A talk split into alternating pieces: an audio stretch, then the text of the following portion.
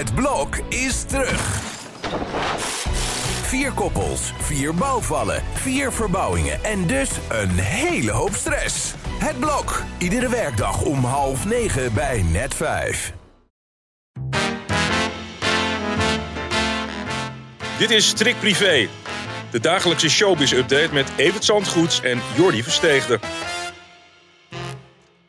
Ja, toeval kan niet bestaan in deze. Het is aflevering 31 van de podcast op woensdag 31 augustus. En dan is het ook nog eens privé-day, Evert. Jeetje, en wat erg dat we ons gisteren niet gerealiseerd hebben dat we aflevering 30 deden op de 30ste dan. Hey, dat is ja. wel, Nou ja. Ja, nou, ook dat nog.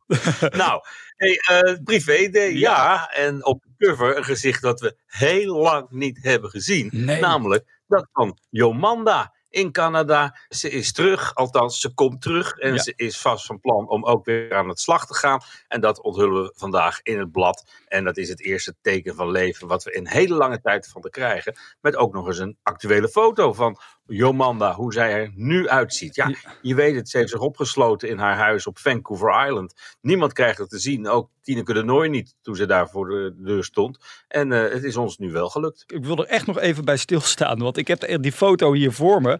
Ik, ik ben echt, ik schrik, ik schrik hiervan. Ik, ik herken haar niet eens als ik haar hier op die foto zie. Nou ja, het is natuurlijk tien jaar ouder geworden in die tijd dat we dat niet gezien hebben. En ze zit te podcasten, dus eh, ze, ze, is er niet echt voor opgemaakt. Een Nee. foto op de cover die is wel eh, geposeerd.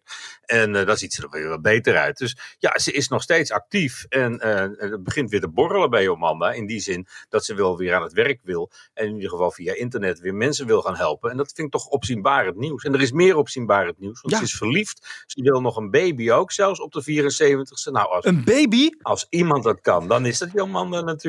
Dus eh, ja, ik, ik sta nergens van te kijken. Maar het zou wel een wonderbaby zijn. En dat staat er ook. Ja, het is haar natuurlijk van harte gegund. Maar het enige ding hierbij is, is dat de man waarop zij verliefd is inderdaad 32 jaar jonger is. Maar ook nog eens op Ja. mannen valt. Dus ja, Ja, maar ook daar heeft ze wat aan gedaan, naar eigen zeggen. Dus ja, het is een, een bijzonder verhaal deze week. Waar we niet minder dan acht pagina's voor nodig hadden om het helemaal te vertellen. Maar mensen die vroeger into Jomanda waren, die zullen niet weten wat ze lezen. En er heel erg in geïnteresseerd zijn. En ja, het is natuurlijk wel een fenomeen geweest. Een omstreden fenomeen, maar een fenomeen. het orakel van Tiel deze week eh, op de cover van Privé en eh, het, het hele verhaal in het blad. Evert, het is vandaag eh, ook de dag. We hebben daar eigenlijk al meerdere keren bij stilgestaan. Maar vandaag is het eh, moment. 25 jaar geleden dat eh, Diana is eh, overleden. Hoe staat het Britse Koningshuis daar denk je vandaag bij stil? Nee, niet. Dat hebben ze nooit eh, uitgebreid gedaan. Vorig jaar wel, maar toen werd er 60ste geboortedag herdacht. En het overlijden van Diana, daar is nooit een dienst of wat dan ook voor gehouden. Om, ja, het, ze zijn natuurlijk niet al te vrije wijze uit elkaar gegaan. Eh, Charles is inmiddels alweer 20 jaar getrouwd met, met Camilla.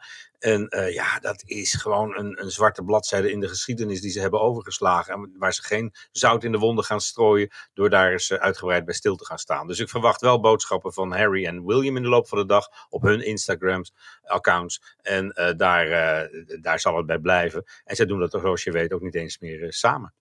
En we gaan feliciteren. Floortje Dessing is vandaag jarig. 52 kaarsjes mag ze uitblazen. Ik, ik had haar jonger ingeschat. Nou, ik hoop dat in het land is. Ja, dat ze ons hoort. En eh, dat, eh, ja, de, de kans is klein natuurlijk. Die vrouw voor, die, voor wie de wereld geen geheimen meer heeft, die is altijd wel ergens aan het einde van die wereld. en eh, ja, daar daar blijven we met z'n allen van genieten van die programma's. Weet je ook nog destijds dat ze terecht die televisiering won. Ja.